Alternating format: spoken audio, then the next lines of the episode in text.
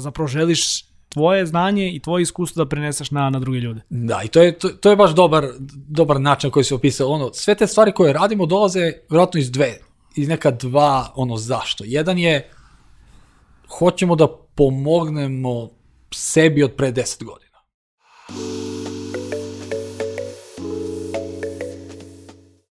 Ćao svima, dobrodošli u još jednu epizodu netokracijnog Office Talks podcasta. A pre nego što krenemo, obavezno se preplatite na naš YouTube kanal, kliknite na dugme subscribe, takođe kliknite na zvonce kako biste dobili obaveštenje o najnovijim epizodama. A, Office Talks podcast možete pratiti i na Deezeru, Spotifyu, na Apple podcastu, Google podcastu. Linkovi su dole u opisu videa, zato pogledajte šta dole se piše. Moj današnji gost je Andreja Ilić, a, Principal Group Engineering Manager u Microsoftu. Andreja, dobrodošao. Bolje vas našao. A evo već neko vreme zapravo se bavimo ovom, ovim specijalom, ako tako mogu da kažem, gde želimo da pričamo sa nekim ljudima iz IT kompanija, mm -hmm. pa malo ono, s vremena na vreme i pitamo ljude kao koje vas kompanije interesuju, nekako Microsoft Development Center ovde u Srbiji, u Beogradu, izađe negde uvek na, na, na prvo mesto. Tako da ćemo sa tom danas malo da pričamo o nekim stvarima koje ti radiš, e, deo si zapravo office tima, dakle deo si, da kažem, tima koji makar ovaj, moje kolege i ja ovde u našem poslu, da kažem, ovaj, da. proizvode koje koristimo ovaj, svakodnevno, tako da ću definitivno ovaj, imati par pitanja ovaj, i o tome. Ali ajde da ako probamo sada negde da se vratimo a, na tvoje neko, da kažemo, onako bazično, ne mogu kažem bazično, ali kao na, na osnovu, kad, kad je bio mali Andreja, kad je yes. zapravo ovaj, ono, shvatio da želi da se bavi programiranjem, a, kako je krenula tvoja profesionalna karijera? Da, pa dobro, ovako teško, teško pitanje od starta, da. Znači, kao što si rekao, ajde da prvo kažemo gde smo, znači danas, danas sam evo deseta godina u Microsoftu, sad taj grup, principal group engineering manager, duga titula, ali sve se na to da, da vodim, vodim office team danas, koji se bavi različitim projektima, zato je ovaj grup, e, grup deo. Uh, sad ovako, kako sam došao do ovde, što, što kažeš, znači 87. godište, sam iz Niša, uh, ono, visoke i osnovnu i srednju i ono, visoke škole, što se kaže, sam, sam završio tamo. Uh, taj, taj neki početak je možda možda standardan za, za ljude iz ove iz ovih ono oblasti iz Microsofta. Uh, generalno neki početci preko osnovnih škola, takmičenja, matematika, prirodne nauke, fizika, programiranje, kasnije srednja škola je zapravo bila specializovano matematičko odeljenje, što je, da kažem, nekako istureno matematičko, e, matematičke gimnazije ovde, i na kraju prelazim i upisujem matematiku. Ono, baš sam, baš sam, više, više sam tada naginjao ka nekoj ono teorijskoj matematici, da abstraktni. Znači nisi, nisi, nisi na faksu ono kao rekao, ok, idem sada pa ono, želim, želim da se bavim ovaj ono IT-em nužno. Nisam, nisam još uvek, ono, dosta, dosta sam se bavio programiranjem, ali više ti algoritamski problemi, teorija grafova, znači više me, više me taj, taj deo privlačio. Uh, e sad, tokom studiranja, ono, sve to, ono, matematika je jako dobra, sve to, ali na kraju fali ta, ta nekako pipljivost tog rezultata. Znači, dosta je to abstraktno primenjivo, ali ti, ti nivoji do, da, do nemaš primene... zapravo neki proizvod, makar i da kažem software koji ono ljudi mogu da pipnu, da vide s kojim ljudi ono na kraju dana ono, interaguju svaki dan. Upravo to, upravo to. Tako da tad se odlučuje malo, ajmo, ajmo malo industrija, malo, malo ono, IT da vidimo kako to ide, tako da sam i tokom studija u Nišu onda sam se zaposlio u jednoj, jednoj firmi koja se zapravo bavila i, i machine learningom, tako da tada prvi put ulazim u tu sferu malo mašinskog učenja i opet neke simbioze ono, matematike i programiranja. I tada manje više mi da sam već odlučio da, da, da, da pređem ka industriji, međutim mislim da je ta konačna odluka ipak bila nakon, nakon prakse u, u Microsoftu. Uh, ali da, uvek sam bio u toj nekoj, mislim ono, cijela i ta priča, vjerojatno dosta, dosta dugujemo, ono, ja i moj brat, ono, roditeljima koji su nas podržavali, ono, još osnovne škole, učili matematiku, fiziku i tako dalje a i brat, ono, dosta smo mi, brat je par godina stariji od mene, inače ja, on sada vidio već... sam, pročito sam da zapravo radi u Facebooku, jel da? Da, da, već da. i on je deseta godina tamo u Kaliforniji, tako da je uvek postojala to neko... Ništa, ono, moram neki ono, sestra ili neki brato strica ili uvek kada radi u Google, to vam još jednostavno Pa ostaje, eto to, to i sad imamo bingo, one, da. da, da. Tako da, to je, to je bila ona neka ta energija koja nas je ono gurala, tak, ono, jedan između drugog se pomažemo, guramo, takmičemo i tako dalje. A i spomenuo bi sad da i ne zaustavim i petnicu, znači je petnica je bila jako, jako bitan deo tog, vjerojatno, celog. To se u srednjoj školi tamo išao na Pa počelo je, da, počeo kao u srednjoj školi kao polaznik, semera, ono, matematike, međutim kasnije tokom fakulteta saradnik, kasnije sam zapravo i par godina vodio, vodio sam seminar e, matematike tamo, tako da to je jako dobro pomogne, da je totalno neki drugačiji pogled na, na, na obrazovanje generalno, ne sad samo matematiku, pristup, primene, načina razmišljanja uh, i tako, tako da je to isto bila jedna, jedna od bitnih, bitnih stvari Da li danas imaš dosta kolega sa kojima radiš koji su isto bili ovaj u petnici, da ti možda negde, da li su ti možda negde ta poznanstva ovaj, ono značila? Jesu, jesu, kako ne, da, ta, ta mreža ljudi koji je tamo napraviti, i moji, mislim, dok sam ja bio polaznik i svi ti ljudi, posle ja kad sam bio vođa, sada se ti ljudi zapošljavaju, tako da to je, to iskustvo je jako definitivno. Zapravo ono, mogu da kažem da je bila druga kuća. Ja bih rekao da, pa provodio sam jedno dva, tri meseca godišnje tokom nekog do, dobrog segmenta tamo. Ono što je meni kod Petnice ovaj, veoma, veoma negde fascinantno i, i bitno, mislim, jeste ta jaka alumni mreža. Ovaj, mislim da ljudi koji, da ja lično nisam, ovaj, da kažem, prošao kroz, kroz njihove edukativne programe, znam gomilu ljudi koji jesu i uvek pričaju ovaj, sa, sa velikom dozom negde poštovanja, ali mi je drago da postoji ta veoma, veoma jaka alumni mreža koja je, da kažem, i dan, danas aktivna, da imamo sada ljude koji ne samo da rade u velikim firmama, ajde, govorimo, govorimo pretežno negde u IT sektoru, ali koji zapravo i snimaju velike firme i da kažem, taj neki, negde osjećaj da kroz petnicu, kroz takvu jednu zajednicu možeš da vratiš zajednici, to je nešto što mi je jako, jako lepo videti na, na ovim to prostorima. jeste, da, to je, to je dobro. Spomenuo bi još jedno, naprimjer, zato što je dosta je razvijano povezivanje različitih oblasti. E, tako Ja, da tako, je... interdisciplinarno Da, postoji sam interdisciplinarni seminar, ali generalno ta, ono, način na koji se pristupa u radu, tokom, tokom ono celih, na primjer, letnjih seminara kada bude različitih, uh, ono, bude matematike, nekih prirodnih nauka, društvenih nauka, ono, svaki nekakav interesantan koktel koji, koji na kraju, ono, samo te natera da totalno drugačije razmišljaš, ono, sedeš na kafu i onda pričaš s ljudima i samo ti neko poveže neke, neke Da. interesantne Ali ti pripremi kasnije za radio, da? E, pa da, dakle, tu je, mislim, obrazovanje u školi je više ono, da kažem, knjiško. Znači, ja ti ispredem tri lekcije, onda ti dam tri slična zadatka i ono, bukvalno je manje više binarno da li si tačno ili netačno odgovorio. Ovde je više šta znači zapravo baviti se naukom, od pisanja radova, komunikacije, svih tih nekih prezentacije, svih tih nekih aspekata, što, što na primjer, što možemo kasnije da pričamo malo na sličan način posmatramo i ono, prakse u, u Microsoftu, znači da, da ti da taj uvid koji je, evo, ovako zapravo izgleda raditi sutra dan u industriji i to nije samo ono, kodiranje koda, nego, nego ima i mnogo dodatnih stvari i to, to iskustvo je stvarno dobro. Brza e, karijera. Govorit ćemo, da, a govorit ćemo definitivno i, i, i, i o praksama kod vas, ovaj, mislim da, da gomila ljudi koji možda negde sluša ili gleda ovo da ih, da ih interesuje i, i, i taj deo, pogotovo naši mlađi slušalci. A, ok, prođe smo taj neki uvod kao kako si zapravo završio u Microsoft Development Centru, a čitao sam pripremu ovaj, koju si mi poslao i kao u razgovoru ovaj, malo časa sa tobom, a ti zapravo kompletnu svoju karijeru u Microsoftu, da kažem, glavno radiš negde na Office proizvodima. Radio si na gomili nekih jako interesantnih stvari, ima tu i nekih priča koje ćemo svakako ovde u podcastu da, da, da, da, da ispričamo, ovaj, koje su definitivno vredne ovaj, pomena, ali ajde da krenemo sad možda negde da otvorimo i to poglavlje. Došao si tamo, prošao si praksu, zaposlio si se i shvatio si da ovde tim kod nas u Beogradu razvija Office proizvode.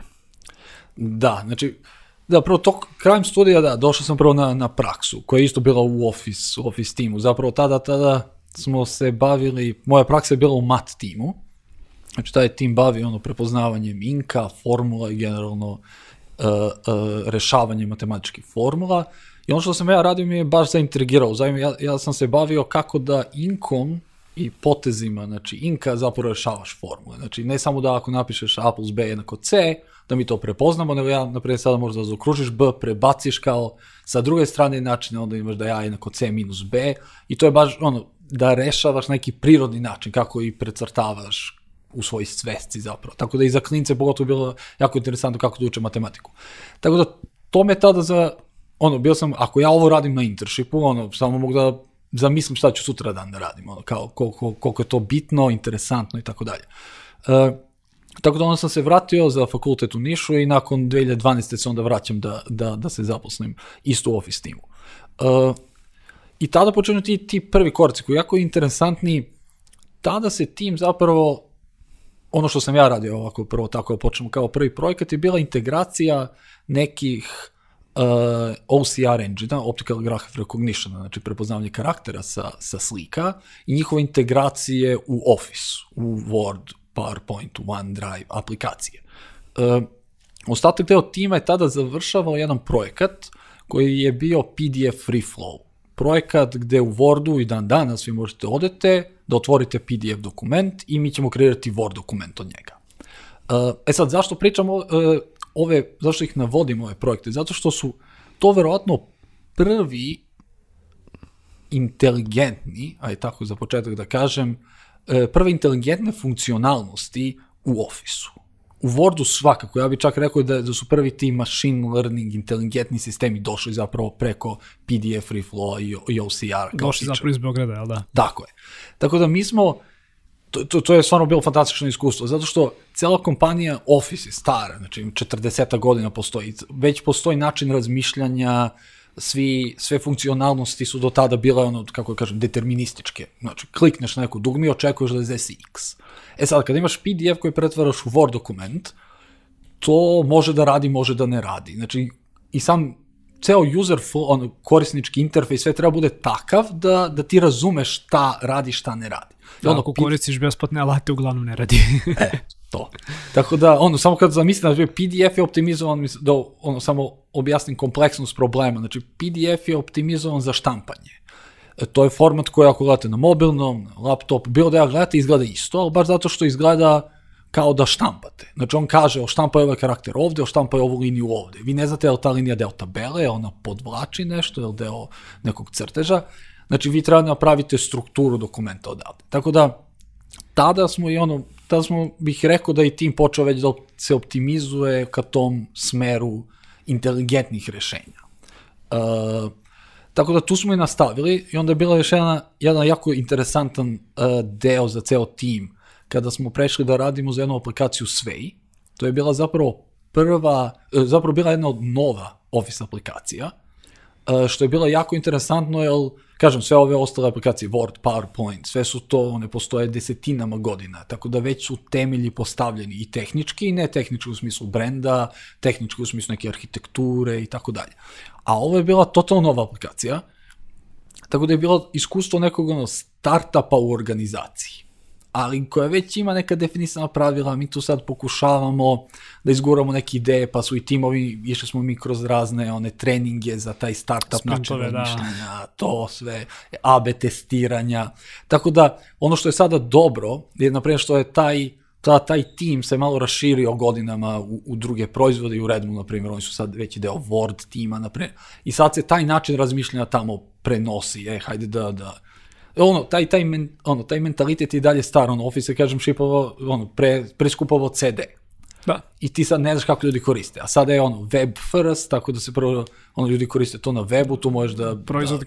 proizvod se konstantno ovaj kreira, konstantno se ažurira, nikad nemaš jedan gotov proizvod i kao tako izvolite. Tako je, tako je. Tako da je to je to je bilo super iskustvo. Znači tad smo mislim da smo naučili naučili svašta nešto i kažem to, ono iskustvo pravljenja startupa u kompaniji je baš, baš, baš ostavilo traga na sve nas. Da. Pogotovo kompaniji koja je ono što ono dugi niz godina, dugi niz decenija zapravo definisala to kako se prvo kreiraju softverski proizvodi, tako da verujem da i to ima neke e, veoma unikatne izazove. Spomenuo si Sway. Um, sve je zapravo nastao u Beogradu, jel da? Mislim, to je kao... N nije, radili kao smo ideja, zapravo... Aha, dobro. Deo tima je bio ovde, deo tima je bio u, u Redmondu. Otprilike sad, ja ne znam, pola, pola je, je da. u jednom. A ako se ne varam za tu priču se vezuje i, i oni čuveni pitch pred, pred Satijom, je li to deo toga ili e, to nije? nije Aha. To nije deo toga. Možemo, možemo malo, malo sad hajde, hajde da pričamo, da. što da ne, da. Uh, da, to sa Satijom, znači da, od, od prilike to je došlo nakon Sveja, u smislu tada i tokom, najviše što smo radili na Sveju i dalje je bilo ta neka inteligentna rešenja. U smislu, sve je, ideja Sveja je bila kako da, to je nova autoring aplikacija za kreiranje dokumenta, ali ideja je bila da se uh, da korisnik ne razmišlja toliko o formatiranju, kako stvari izgleda, nego da tipa da se izražava nekim idejama, tipa ove dve stvari idu zajedno. Sad, da li će to da bude jedna pored druge, jedna ispod druge, zavisi da li čitaš to na mobilnom ili čitaš na, na desktopu, znači prilagođava se. I komilo, ako se ne isto tako aplikacije, komilo više nekih formata koji se onda prikazuju na webu, ako se ne varam, tako yes. nešto kao neki mood board na webu. Bilo tako da je različiti, da. to su zvali svetovi i tako dalje. I ono, nakon toga smo odlučili, mislim, ono, kao, kao organizacija, da je bolje da, da sve te stvari inkorporiramo u postojeće projekte isto, pošto postoji, ono, kažem, sad, to je sad novi brand, poverenje brenda, pogotovo organizacija, vlada koje koriste, ili tako, ofise. Tako da tada smo mi dolazi, dolazi do neke reorganizacije i zapravo tada je, tada je moj menadžer prešao da vodi drugi tim, ja sam tada preuzeo, to je bilo pre nekih dve i po godina da, da vodim office tim i tada mi počinjemo da radimo zapravo malo više na raznim projektima za office koji se bavi inteligentnim rešenjima. Uh, I tako da, mislim da je tada postajemo, postaje jako, jako neka interesantna priča, zato što i taj sad, kako kažem, hype oko, oko machine learninga, šta, kako on znači, kako se napravi da se koristi i tako dalje. Mi smo tu imali dobar, dobar e, neku, neku, neku prednost u odnosu na ostale timove. Ali ta prednost je bila interesantna ne iz razloga to da smo mi ne znam koliko bolji ono naučnici ili ono researchers u, u, tom, u tim oblastima, već zato što imamo dobar koktel ono matematike, programiranja, biznisa, ono možda nas i život ono koji, koji je bio u Srbiji život naučio. nas je, da, život nas je definitivno spremio na to. Naučili smo da budemo jack of all trades. To, to, Da. tako je. Tako da mi smo umeli da, mi smo umeli da, da stvarno produktizujemo to. I to je jako, jako teško. Tako da tad, tad, postoje ta priča da se mi malo profilišemo kao jedan od glavnih timova za, za, za inteligentna rešenja u, u ofisu i tada smo počeli, evo, gledajući naprijed zadnje te dve godine, to oko Satije, mi smo bili tri puta zapravo na, uključeni u prezentacije šta znači AI za Office. Uh, Sati celom leadership timu, znači ono, od. CTO-a do, tako, i svih predstavnika, ono, domen eksperata, AI-a, ono, ljudi koji vode Bing, ljudi koji su ono, u research centrima, organizacije. Uh, Tako da to je jedan od jako interesantnih, verovatno, signala. Znači, mi tad nismo baš pičovali proizvod, nego više je zašto je bitno da radimo ovo što radimo. I sad to sutra dan može malo da se promeni u neki drugi funkcionalnost ili tako dalje, ali taj neki ono razumevanje dokumenata, uh, reformatiranje dokumenata, strukture, ono, general baze znanja iz dokumenata, to su te neke oblasti koje, kojima smo mi najviše pričali, I to je, da, to je jako interesantno iskustvo, a to je, više, više se to posmatra kao da naš VP zapravo pičuje stvari uh, sa ti leadership timu celom Microsofta, a sama činjenica da smo mi deo tog, tog piča govori zapravo koliko je bitno to što mi radimo, baš na, na tom visokom ono, vi, nivou. Da. Kako je osjećaj kad pričaš ovo, ono, glavnom šefu zapravo takav proizvod? Pa, dosta, Je ima malo, dosta. je li ima malo treme ili, ili ono, kao, koji je Ima. feeling? Pa da, ima, ima treme, kako ne, znači ja sam, ono, gledajući sad ovo, kad, smo malo pričali o istoriji, dosta sam ja prolazio, ono, kroz ta, ono, te trem, treme i, i momente, ono, takmičenja internacionalnih olimpijada. Ali to te sa- priprema kasnije za, za život i iskustva, jel da? priprema, ali onda je došao ovaj sastanak gde ipak opet se, ono, nije da sam se osetio kao u petnici prvi put da, da, da prezentujem, ali je bilo, bilo je, bilo je, bilo je svakako ono, ono treme, bilo je dosta pripreme, ali taj osjećaj, ne, prvo, tu, tu nema, znači, oni su 100% ozbiljni. Momci, ono, to je, to je grupa koja, koja ono, nema šale. Znači, rafalna pitanja, na politički korektan način ti kažu, mali sedi jedan, ono, nisi ti to dobro, dobro razradio. Tako da, i ono, generalno, odavno se nisam osjećao u, u sobi. Znači, broj informacija koji ti ljudi mogu da obrade u roku, ono, od, od tri minuta moje priče nekom slajdu koje ja sam bio mislio da, da mi treba tri sata da neko shvati taj slajd, oni shvate to za tri minuta i samo počnu već da, da povezuju stvari. A zašto Da. ne ovako, zašto ne ovako, kako ovo ne pomežete. Tako da, to je, to je bilo interesantno. Mogu da spomenem možda još dve stvari onako kao ono, interesantne. Jedna, jedna je bila, uh, da, sa uh, Draganom Tomićem, direktorom razvojnog centra, tad smo napravili dogovor da na svakom od tih sastanka moramo tri puta da kažemo reč Srbija. I onda sam ja imao sa, sa VP-em moj dogovor da svaki put kada ona kaže Srbija, ja sam je kupovao najlepše želje, one čokolade, kada ona ne kaže tri puta, ja kažem Nema čokoladi. ubacimo onako u zrak. To je bilo jedna. A druga interesantna stvar, kažem, ta priprema je bila jako dobra, jer tada ste, tada radite baš zajedno sa, sa VP-em. Znači, vi ste zajedno ono, u rovovima, vi zajedno treba da predstavite to i onda taj network i to, iskustvo koje stvorite tada iz, izgradi jako dobar tim. I tipa jedna, jedna stvar se desila, ja mislim da je to bio drugi sastanak gde, znači, ne znam, u 11 po lokalnom vremenu počinje sastanak, Satija, Satija i Kevin Scott koji C- CTO kasne i mi nemamo, ništa ne prezentujemo. Ne radi ni primarni ni sekundarni laptop koji, koji smo imali, zapravo moj je bio primarni, ali sam morao instalirati neke drivere zbog celog onog postavke, hardvera, kamera i tako dalje, ali došao Windows update, ja sad ne smijem da restartujem računar, koliko će to traje, ali je bilo dobro, ono, kažem, dosta smo se uigrali, onda je VP, pa, ona je počela da, da priča, da malo, da kažem, odugovlači, mi smo pripremili treći laptop za prezentaciju, onda sam ja tokom moje priče zamenio laptopove kad su oni se zapričali za neku drugu stvar, da bi pokazali demo i tako dalje. Tako da je definitivno jako, jako lepo iskustvo. Timski rad. Jeste.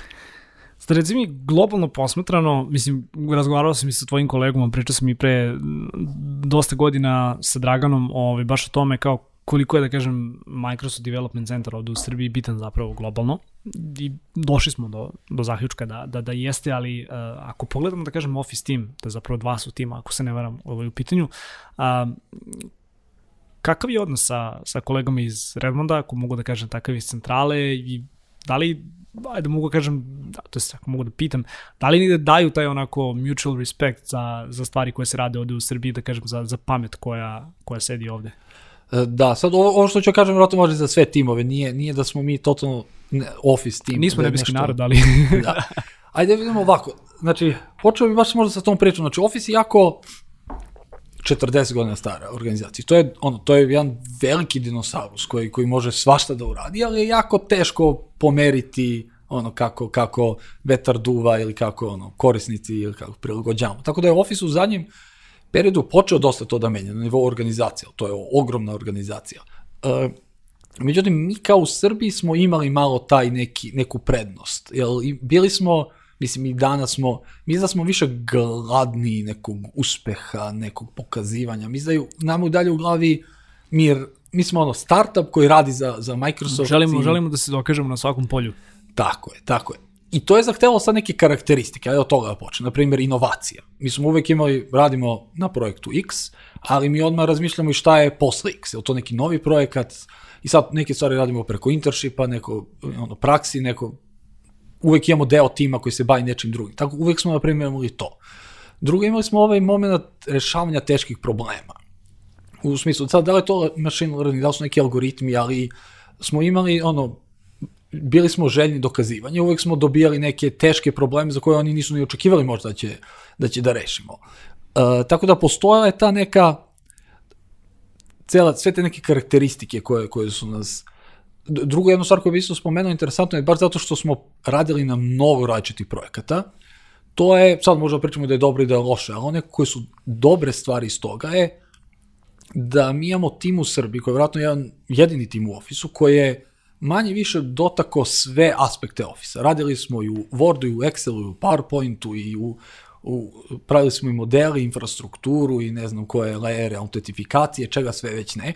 A tipa u Redmondu imate, na primjer, Word team koji se bavi Wordom. Ima. I sada, oni možda malo bolje odu u dubinu, ali ovo što nama daje širinu je, mi možemo da, da povežemo ono, Dobro stvar. se koriste te neke osnovne karakteristike kojima smo pričali, to je da od svega znate po, pomalo i da možete zapravo jako lako da yes. budete ovaj, interdisciplinarni. Jeste, da. i, to, i to sad isto postaje jako bitno. Ono, Office, ljudi kupuju Office ne zbog jednog funkcionalnosti, ne zbog jednog proizvoda, nego baš zbog te simbioze da vi imate negde da pamtite fajlove, negde da ih autorate, negde da pričate o njima. Tako da to su te neke karakteristike koje mi znam odvajaju. E sad, zašto smo bitni, ja da ne pričam ja samo, sad ovo je moje subjektivno možda mišljenje, ali možda bi izdvojio na, na brzinu samo evo par tih nekih stvari, na primer, uh, evo, Office konkretno tim je, znači prošle godine sve ovo tokom COVID-a, ove pandemije, prošle godine smo dobili 10 dodatnih pozicija, evo sada, sada još dodatnih 16, znači ako gledamo moj tim, samo on se manje više duplirao, tako da to je jedan znak, znak tog, tog poverenja. E, rekao bih da je drugi, baš ovo što smo pričali ove prezentacije, sati leadershipu je definitivno ako vas VP uključuje, ono, evo, tri puta za dve godine u tim sastancima, zašto je bitno to što cela organizacija radi, vi ste deo toga, to je definitivno još, još, još, jedan, još jedan signal. Uh, tako da, i evo, spomenujem zapravo još jednu samo, treći koji je isto malo, malo karakteristični isto da, da ono, Microsoft ima gomilu nekih godišnjih konferencija. I često, često funkcionalnosti koje se prave u Srbiji, evo, konkretno iz Office, mi smo manje više uvek uvek se priča o našim funkcionalnostima, zapravo često i na samom keynote od sati se spominje šta se radi u Srbiji. Tako da, ono, pored ove karakteristike koje možda pričamo da li su ono, subjektivni ili ne, ovo, ovi signali su definitivno jaki da govore da smo važni. Ništa da moramo, moramo i za ovaj glavnog šefa jednu ovaj, čokoladu najlepše želje, jel da? No, može, može.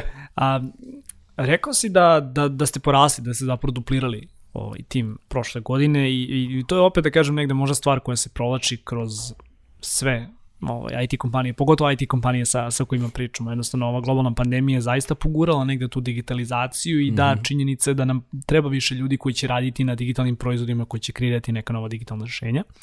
Ali ono što sam isto tako pročitao nedavno jeste da, da pored toga što da kažem sad ono Microsoft ovde, baš smo nedavno i govorili o tome, širi zapravo ovaj svoj Azure tim ako se ne varam, evo mm -hmm. sad zapravo širite i, i Office tim, pa ako možeš možda malo da podeliš sa nama ovaj, kako trenutno izgleda ovaj, stanje na nivou kompletne firme, koliko vas je i, i da kažem možda negdje koje su to pozicije otvorene, mislim svakako ćemo da ih linkujemo dole u, u opisu videa, rećemo na kraju epizodi i, i gde ljudi mogu da se prijave, ali da nam malo možda daš taj neki on uvid u to kakvo je stanje sada i koje su pozicije koje, koje tražite koje se nam, ono, ćete uskoro i da, i da nađete i da kažem ove neke kolege koje danas slušaju ovaj podcast, da će možda sutradan da rade sa, sa tobom. Da. E, pa da, znači, koje je trenutno stanje, firma, firma trenutno zapošlja oko nekih 40, 400 e, inženjera, različitih, ono, da kažem, profila od software inženjera, machine learning, PM-ova i tako dalje. Uh, kao što sam pomenuo, da, mislim da i Dimitre koji je bio gost ovde pričao, pričao tada da, da smo dodali dodatnih 60 pozicija, međutim umeđu vremenu Azure tim je do, dobio još dodatne 20 uh, pozicija i dva office tima office, Office moj Office team još jedan Office Media Group team. Znači moj tim se više bavi nekim dok, dokumentima, razumijem dokumentima, ali imamo i tim Office Media Group koji se više bavi video, slike i njihovo razumevanje, što isto sada postoje jako bitno sa svim ovim snimcima, ali tako, vrhom, uh, radom od kući i tako dalje. Tako da sad na, na nivou mi opet, opet, bez obzira što, što smo imali sve to zapošljavanje početkom godine, opet dolazimo da nama uh, da zapošljavamo još dodatnih 50 50 pozicija, opet totalno različitih profila. Kažem, od, od inženjera, data scientista, uh, PM-ova, ali takođe i nekih specifičnih sada uh, profila u smislu nekih, konkretno je moj tim, gledamo i da zaposlimo nekog data inženjera, da zaposlimo Android inženjera i tako dalje. Tako da sada tim, ono što je jako dobro, jako bitno za MDCS je to što sada na taj način, ne samo da raste naš on uticaj na biznis, to je, to je jedan aspekt. Ono što mi uvek razmišljamo je ono šta mi ostavljamo Srbiji u nekom smislu, ono, uh, društvu, zajednici i, i sad sve ove dodatne pozicije novo zapošljavanje, ono što daju dodatan, dodatnu stvar dobru za, za centar je to što sada bukvalno možete da promenite tim, čak i da promenite poziciju unutar istog tima i da radite na totalno drugačijim stvarima. Tako da to je to je jedna jako jako interesantna stvar koja nam se da će pomogne da da svi uvek imamo dobre dobre ljude na prave ljude na pravim pozicijama u pravo vreme. Što znači da u praksi zapravo ne moraš ni da napuštaš ovaj firmu da bi radio na novim izazovnim proizvodima, nego možeš samo da promeniš tim. Jel? Tako da, to je i ono i kultura je malo drugačija u tom nekom smislu i ceo biznis je drugačiji, znači da li je, ne znam, za, u Azure vi obično radite sa, sa firmama, u Office-u više sa, opet možete i sa firmama, ali imaju ono customeri, korisnici kao ti i ja, ono, u slobodno vreme, šta radimo i šta, koje, koji su tu problemi koje treba da rešavamo. Tako da je interesantno taj, taj sad lepeza svih tih ono, problema, tehničkih, biznis, sve dosta, dosta je široka. Da, bojim se da ovih dana, ovaj, kad svi radimo od kuće, nema slobodnog vremena, ali, bože moj. Da. A, šta sam što da te pitam, a, spomenuo si malo čas kada smo razgovarali da da je ovaj uh, da kažem to zapošljavanje, taj proces ovaj treniranja mladih ljudi koji dolaze, da je to nešto što ti ovako lično ovaj uh, da kažem cilj u životu, ali lično nešto što te što te ovako jako inspiriše, što te na neki način vozi. Uh, kako ti vidiš negde prosto ulogu ili da kažem a, mogućnosti koje mladi ljudi koji sad ulaze u, ovaj, kod vas u tim i koji će ući u vaš tim, Kako vidiš, ako možemo sagledamo sada neke šire slike, jer kao Microsoft je jedna jako bitna škola kroz koju su mnogi ljudi prošli, mnogi ljudi su i dalje tu, kako vidiš prosto za neku mladu osobu koja, koja tek ovaj, ono, treba da, da, da kažem, da, da, da shvatiš šta znači rad u jednom tako velikom sistemu i da dobije te neke prilike da, da, da, da sad kažem, znoje dlanovi dok treba da pičuje ovaj, ono, velike proizvode samom vrhu menadžmenta, ali kako ti vidiš taj neki proces šta on predstavlja za tebe danas kada si tu već gotovo čitanu, čitavu deceniju i kada negde pretpostavljam da si radio sa, sa velikim brojem mladih ljudi. A, šta on zapravo predstavlja za tebe? Da, te, dobro teško pitanje, da. Uh, ajmo ovako, prvo, znači, iz ugla Microsofta, kao, kao ono, veće, veće firme, uh, postoji, znači u teoriji ono igara, postoji, postoji ono jedan, jedan pojam koji zove ono, beskonačne igre, Infinity Game. I mislim da je, da je zapravo Simon Sinak napravio neku paralelu između toga i, i, i korporacije. U smislu da, da mi ovde hoćemo da igramo tu beskonačnu igru. Znači nije, nije da smo mi bolji od Redmonda, nije da je Redmond bolji od nečeg drugog, nije da, da je Microsoft bolji od Google, tako neke stvari. Nego hoćemo da što duže ostanemo u ovoj igri, da budemo relevantni, da radimo na dobrim stvarima. Ej, taj, taj način razmišljanja tera, tera mislim tera, zapravo i diktira kako, kako se radi sa ljudima. Znači, imamo taj, taj duž, dug pogled na, na karijeru ljudi. Znači, ne optimizujemo za, da zaposlimo nekog ko će da, da napravi nešto bitno da na tri meseca, nego hoćemo da zaposlimo ljude koji ono, ne, ne da znaju sve, nego da hoće da nauče sve na kraju dana ljude koji mogu da prođe kroz druge neke timove i da po tako postanu još kompletnije ličnosti. Da. Tako je, tako je. Tako da ta, to, je, to je ono što je dobro. Tako da ono, od tog nekog mentorstva, od tih nekih imamo tipa tri puta godišnje konkretno u mojoj organizaciji te neke FHL-ove kao Fix Hack, Learn Hackathone gde tokom cijela nedelje čovjek, ono, bilo ko može da ili uči nešto ili da nešto novo povezuje, da, da ishakuje neko novo rešenje. Tako da postoji dosta tih nekih, nekih stvari koje radimo na tome da podržimo da ljudi, da ljudi napreduju da, u svojoj karijeri. Ja sada, naravno, uvek tu da se ogradim, nije ni uvek ni sve bajno, ono, ja gledajući svoje zadnjih pa, ono, par godina kao grup menadžer, ono, uvek pokušavam da smanjim taj jaz između toga kakva kultura hoću da, da bude i kakva je, šta je stvarno ono što se dešava. Tako da radimo nosno i na tome. Ali da ima tu bi izdvojio, na primjer, prakse. Praksa je nešto što opet možda napravim paralelu sa, sa petnicom. Ono što se meni, na primjer, sviđalo za petnicu je, znači vi prvi put kad dođete tamo, znači vi ste nedlju dana, verovatno prvi, drugi razred srednje škole, i vi odjednom uđete kao neki, ne znam, ono, matematički hotel. I sad imate vrata na kojima zapravo izolovani, ono, bukvalno tamo ispavaš, živiš, jel da? da ovo, ovo je išao ovako, abstraktnije malo, da, šalim se. Ali da, uđete u ne, ne, nešto čudno i sad imate vrata, ne znam, integrali. I sad imate jedno predavanje gde vam neko otvori ta vrata na tri sata, upali vam svetlo, i vi, naravno, ništa niste za, naučili tu, zapamtili ili bilo šta, ali, ali vam neko otvorio ta vrata, upalio svetlo, vi samo znate šta se tu krije. I sutra dan kada učite to u školi ili kada treba nešto da... Vi već znate, aha, to znam, otprilike to tamo, nešto ovamo, nešto ovamo, nešto i kao snaći ću se. I sad, kažem, u petnici, ono, bombarduju vas malo time, ono, otvaraju vam vrata za integrale, za funkcionalizmu, algebru, da. tako. Ali vi onda na kraju znate da se snađete i nemate više neku, neki strah ili bilo šta tog tipa. E slično i za prakse, znači, tokom tri meseca ili nekad i duže, znači, kod nas studenti prođu kroz kroz jako različitih stvari koje su zapravo sutra dan znače šta biti inženjer. I onda ljudi tu prvo od tehničkih stvari, rada na velikom projektu, pa priče oko toga kako se napravi arhitektura, pisanje nekih dokumenta, a onda idu ove druge stvari koje ljudi obično čak i kući nikad ne mogu sami da, da iskuse, a to je okay, kako je rad u timu, kako je da ti ideš sada pričaš tamo sa nekim principal inženjerom iz Redmonda i da ga ubediš zašto je ovo tvoje bitno. I onda na kraju da ono, dosta toga i ode zapravo u korisnicima, znači tokom prakse da ti da što kažeš taj neka trema, strah, znači dodao si nešto, možda si rešao neki bug, koji sada odjednom koriste 100 miliona ljudi i taj, i onda ti pratiš da, telemetriju kako to ide. Ovaj, poprično jak taj uticaj, uticaj na, na, na promene, da. Jeste, jeste, da, tako da to je, to je, i onda na taj način, to više sad te prakse gledamo, kažem, uvek postoji taj, barem, evo, da, da se ugradi, možda ja uvek nosim tu ono biznis kapu i ono e, društvo Srbija kapu. I sada, prakse, naravno, pomažu oni nama u biznisu, naravno, i zaposlimo mi sutra te ljudi i tako dalje, ali mislim da je mnogo jak ovaj, ovaj lokalni uh, uticaj gde, evo, konkretno u mom timu, kažem, mi imamo manje više koliko inženjera, toliko i praktikanata tokom godine. Znači, pričamo nekih 20-30 ljudi, na primjer, koji su prošle prošle godine. Ti ljudi će, da oni završili u Microsoft ili završili negde drugde, mislim da gde god oni da završe, bit će, bit će samo mnogo bolji u njihovi startupi ili firme u kojima rade, samo će moći da povezuju neke stvari koje su naučile, baš ono svetlo. Mi smo im upalili svetlo, oni otprilike znaju, aha, ovako radi organizacija, ovako radi tehničke, netehničke prezentacije, šta god. Dakle, nije samo zvučno ime u CV-u, prosto. Tačno, tačno. Tako da to, na to smo, naprijed, na to smo jako ponosni i mislimo da, kažem, imam mnogo veći uticaj zapravo na zajednicu nego na, da kažem, na biznis, kao, kao ono Microsoft biznis. Da.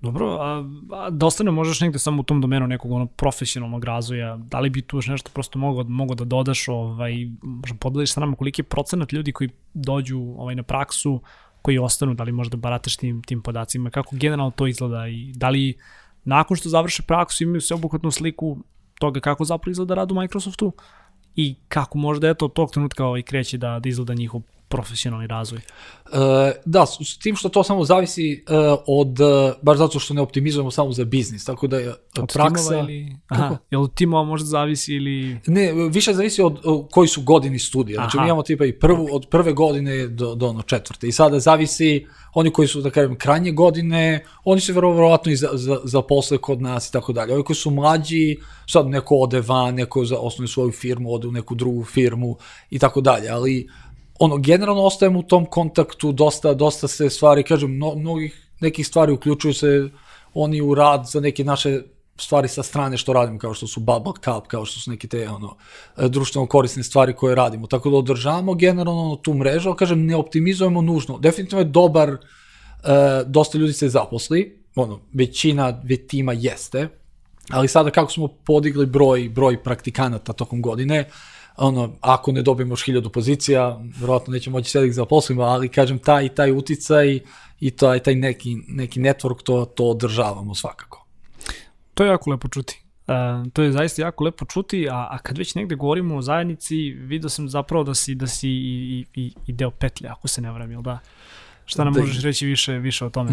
Može, da. E, ajmo ovako, prvo, da, znači šta je, šta je, ono, petlja, petlja, ja uvek, uvek obično počinjem sa ono zašto nešto radim i onda petlja je bila samo jedan, ono, o, Da. zašto. Mislim, vezuje se, znaš, ono, tvoj rad u petlji se zapravo vezuje za sve ove stvari koje si malo čas ovaj, govorio, o kojima si zapravo govorio, a i vidi se ta strast u očima da, da zapravo želiš tvoje znanje i tvoje iskustvo da preneseš na, na druge ljude. Da, i to je, to, to je baš dobar, dobar način koji se opisao. Ono, sve te stvari koje radimo dolaze vjerojatno iz dve, iz neka dva, ono, zašto. Jedan je, hoćemo da pomognemo sebi od pre 10 godina. Znači, ja sam imao neke probleme pre 10 godina i kako sad novim generacijama da, da, da olakšam to što sam ja morao da prođem.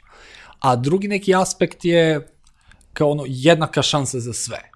E, pogotovo sad sa internetom, ne, ne treba tvoje obrazovanje, ono, do, naravno, dosta signala nekad, ono, epsilon okolina utiče od porodice, od svega na, na tvoj razvitak, ali to bi trebalo bude uniformna verovatnoća, da je neko dobar programer iz bilo gde iz Srbije, ne zavisi da li on rođen u Beogradu, Nišu ili u, ono, u, nekom, u nekom selu, već Da, kao ne treba, Ko je- tvoja, ne treba tvoja geografska ovaj, ono, pozicija i da kažem tvoj pristup tom nekom ono, osnovnom ili srednjem obrazovanju da definiše ono što ćeš ti biti sutradan ovaj, to, profesionalno. to, to su signali koji zapravo najmanje zapravo treba, treba da utiču. Tako da, Petlja, na primer, koja je tako je nekako i počela, zapravo počela je kao jedan internship projekat, isto praksa. Ja sam tada bio jako uključen u nacionalno takmičenje, internacionalno takmičenje iz, iz informatike zapravo, najviše, ali iz matematike. I držao sam dosta dodatnih nastava u Nišu, onda sam kad sam prešao u Beograd, to, to je naravno prestalo i onda sam ja tada razmišljao, ok, kako da zato što sam ja promenio lokaciju, ne, ne bi trebalo toliko da utiče. I onda, pogotovo za mlađe generacije koje ne znaju možda engleski i tako dalje, onda je taj Bubble B projekat je počeo bukvalno kao praksa, ja sam otišao kod, kod Dragana Tomića, rekao, ej, mora nešto da uradimo, i onda smo ono, rekli, ok, to nije naš ono, biznis, ali možemo preko, preko praksi. Tako da smo mi tada započeli praksu i napravili taj projekat koji je zvao Bubble B, koja je bila to platforma za edukaciju. Više bio akcent možda na, na nekim algoritmima ka takmičenju, ali generalno je bilo da povećamo pismenost, ono, tu neku IT pismenost. Zato što ono, duboko nekako verujemo da, da to sad isto stvarno treba postane uh, kao deo, ono, ne samo jezički. Pa norma. Upravo norma, to. da. Tako da, to je tako počelo. Znači, bukvalno je počelo neke prakse gde, gde smo mi napravili neki website, gde je to počeo koristi ono, u Nišu, neki u matematička, malo u Beogradu, neke drugo odeljenja. Znači, baš je onako, ono, dobra priča iz tog nekog ono, kao starta priče, gde danas imamo, na primjer, petlju, koja je sada ogromna fondacija, organizacija za sebe, sad taj portal je totalno, totalno drugačiji, ali dalje ono zašto je isto. Hoćemo da, da ono, povećamo tu, tu algoritamsku pismenost i da svako od nas, bilo kom domenu da je ono, od advokata do, do farmaceuta, da ima taj neki ono, alate da može da, da ubrza rad u svom, u svom domenu. Da. Jako mi je drago da ste to spomenuo, zašto kao imam jedan, jedan citat koji zapravo čuvam ovde ovaj, u, u, u džepu, a spomenuo si malo časa i vidim negde prosto kroz tvoju priču i kada obrazlažeš ovaj, čime se baviš, ali AI, veštačka inteligencija, mašinsko učenje, i jesu da kažem prosto negde stvari ovaj, koje neminovno kroje našu budućnost, mislim kroje i sadašnjost, da ne pričamo kao ovaj, političari, ono, IT je budućnost, jel da? Sadašnjosti, nema, nema šta.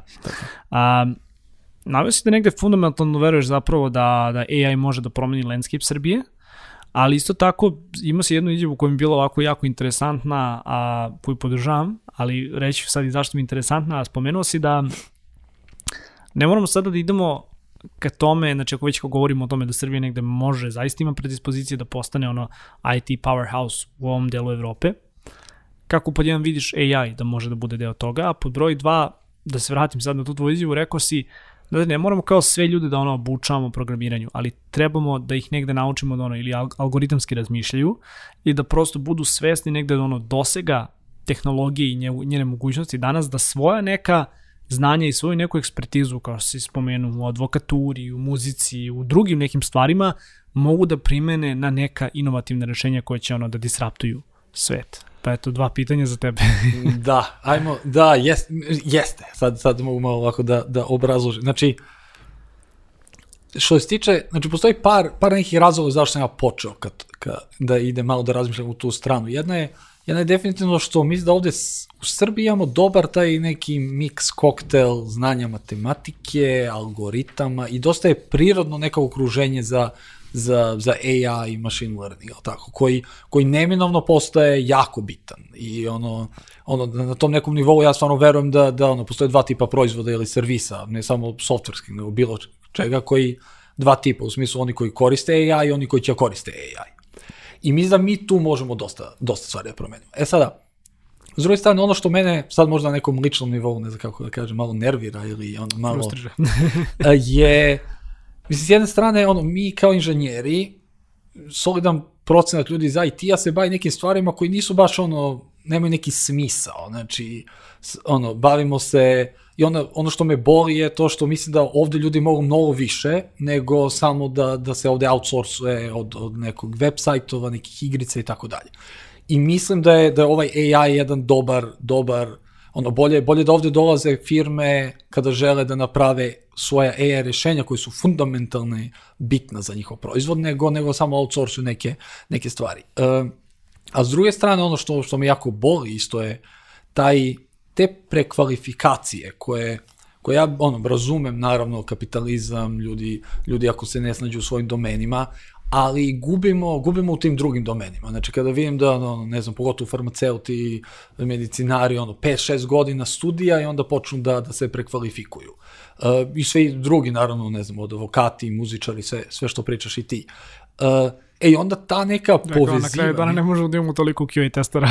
dakle, tako da ta, e, ako ta dva stvari spojimo, to je, znači ono, ako bi inženjeri se malo prinučili više ka, ka mašinskom učenju, a domen eksperti u kom god domenu oni bili, naučili opet tu neku algoritamsku pismenost, e ta simbioza zapravo može da napravi nešto stvarno što je jako bitno, stvarno u tim domenima da se, da se rešava, zato nam trebaju domeni eksperti. Ja sada da napravim machine learning model za nešto u advokaturi ili u farmaciji, ja to ne.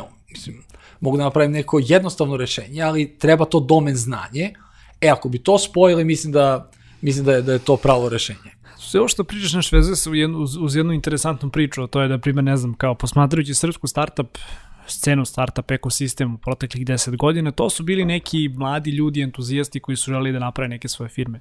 Danas je malo drugačije. Danas ipak imaš ljude koji već dugo godina rade u nekoj industriji i onda izađu i onda se spoje sa nekim ko da kažem ima ono programersko znanje, ajde da, da jako uprostim tu priču, ali ti vidiš da danas najuspešniji startupi dolaze zapravo iz redova ljudi koji su već dugo godina u nekoj industriji koji su uspeli da uoče taj problem, tako da to što pričaš po meni ono apsolutno ima smisla. Da, da, jeste, to je, to je dobro, da. Samo, znači, ono što treba samo da radimo kako da, da ih osposobimo da mogu da razmišljaju i da povežu te, te, te kockice da. i onda, onda mislim da to može da bude jako dobro priča. Da, veliki zadatak pred nama. tako je, tako je. A, hajde za kraj, ovo ostalo nešto toliko vremena, ovo je nešto što volim da pitam ovaj, sve svoje goste. Razgovarali smo sad ovde o tvom poslu i profesionalno smo manje više pokrili, ovaj, ono, ako ne baš svaku, većinu nekih tačaka. Ko je Andrej Ilić u, u privatno vreme? Jer kao, s jedne strane, ok, veoma si uspešan u svom poslu, koje su neke stvari koje radiš ovako privatno i kad sam već tu kod tog pitanja, koliko smatraš da su ta neka iskustva koja čovjek ono, doživlja u slobodno privatno vreme, koliko ona mogu da ti s jedne strane prosto naprede negde karijeru ili da ti prosto ono daju, nek, daju neki malo, šir, malo širi pogled na, na, na život, da kažem neka druga domeska znanja, jel da? Da. Ajde, prvo, ako prvo, prvo što odgovorim, rekao bih prvo, mislim da da ono ne zvučim arogantno ili tako nešto, ali mislim da da smo mi u ono u IT-u dosta srećni. Ono u de šta radimo i koliko je potreba ono, društva za tim firmi i tako dalje. Naravno, stoji tu jako težak rad sa tim, ali malo smo mi srećni da možemo da malo povezujemo posao i privatno, da tu postoji neka simbioza, da imamo malo više slobodnog vremena. Tako da je to i u mom to nekom smislu, ne znam, ako posmatramo to opet, ono, malo matematičar u meni, kao neki Venov diagram poslovno privatno, postoji tu veliki presak. Uh, I taj presak je to, to da kažem nekako ono, ono fundamentalno u smislu kad kažem ovo, mnoge stvari koje radim, radim da, da bi nekako pomogao drugima, volim, volim da se ono takmičim u nekom smislu, taj kompetitivni duh, tako da sve te stvari, ova primjena je AI-a negde druge, tako da se to sve, sve plase u poslovno i privatno, tako da taj neki ono balans, kažem, malo je, malo je lakše nama iz IT-a da, da ga održimo na nekom dobrom nivou, mada je on to funkcija koja se menja, nekad ide na jednu, nekad na drugu stranu. Uh, ali da, kažem, privatno i sve to ono kako, kako ide, dosta, dosta stvari, kažem, radim iz tog nekog zašto stvari, ne znam, počeo sam sa trčanjem zato što sam teo da vidim da li ću da budem brži od direktora našeg centra, onda sa verenicom se takmičim ko će da, da bude brže, onda ne znam, sada je kuvanje, nema, nema putovanja, pa malo internacionalna kuhinja, uh, pa opet onda tu sada ona iz farmacije, pa onda opet počnemo da pričamo, ok, ajde sad metabolizam, hoću da razumem ne samo kako radi recept, nego zašto to jedem, kada da jedem, da li posle treninga, da li ujutru, da li uveče. I onda opet sad dolazi tu i AI, znači evo sada razmišljamo zašto, zašto meni ne bi AI napravio recept za nešto. I sad to, sad idemo u taj smer, pa malo isprobavamo tu stvar, jel to ide, jel ne ide, sad sutra možda bude biznis od toga, možda bude dobra priča, možda bude loš kolač. Da, čuvajte se, Nešto čuvajte će... se online treneri i online planovi ishrane, stiže AI. A realno, da, jeste. ti si ti na osnovu nekih parametara sigurno može da izvučeš ovaj, ono, gomilu stvari. Pa jeste, da, zapravo možda napravi jednu paralelu sa ovim sadašnjim projektima koje radimo u ofisu. Naprimjer, mi ako gledamo šta mi radimo, kažem, bavimo se tom nekom inteligencijom, inteligentnim rešenjima, ali konceptualno mi ne dodajemo nove stvari koje čovjek može da radi u Wordu ili PowerPointu, nego mi samo pojednostavljujemo ceo proces sa već dodatnim postojećim konceptima. Ono, samo primjer radi, uh, Word sadržaj. Naprimjer, niko ne ume da napravi sadržaj. Znači, jako mali broj ljudi zna to da uradi. Tipa, ne znam, 5%, možda sad izmišljam brojku, ali zašto? Jel, da bi to uradio ti mora da znaš da primeniš, ne znam, heading style, kad praviš novu sekciju, to niko ne zna, onda da se napravi sadržaj, ljudi onda počnu ručno da kucaju, pa ono, naziv sekcije, pa tačke, tačka, tačka, pa broj, i to je sad Sizifov posao, dodate nešto ispod, promeni se broj stranice i tako dalje.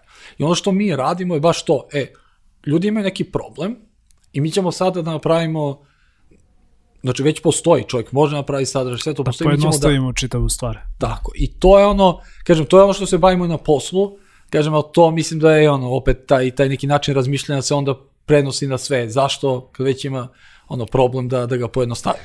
Znaš šta, ovaj, tokom godina sam upoznao veliki broj IT-evaca koji ono, uvek imaju to jednu ovaj, ono, crtu zajedničko, to je da optimizacija svega. da, tako je. Tako, Da. jeste.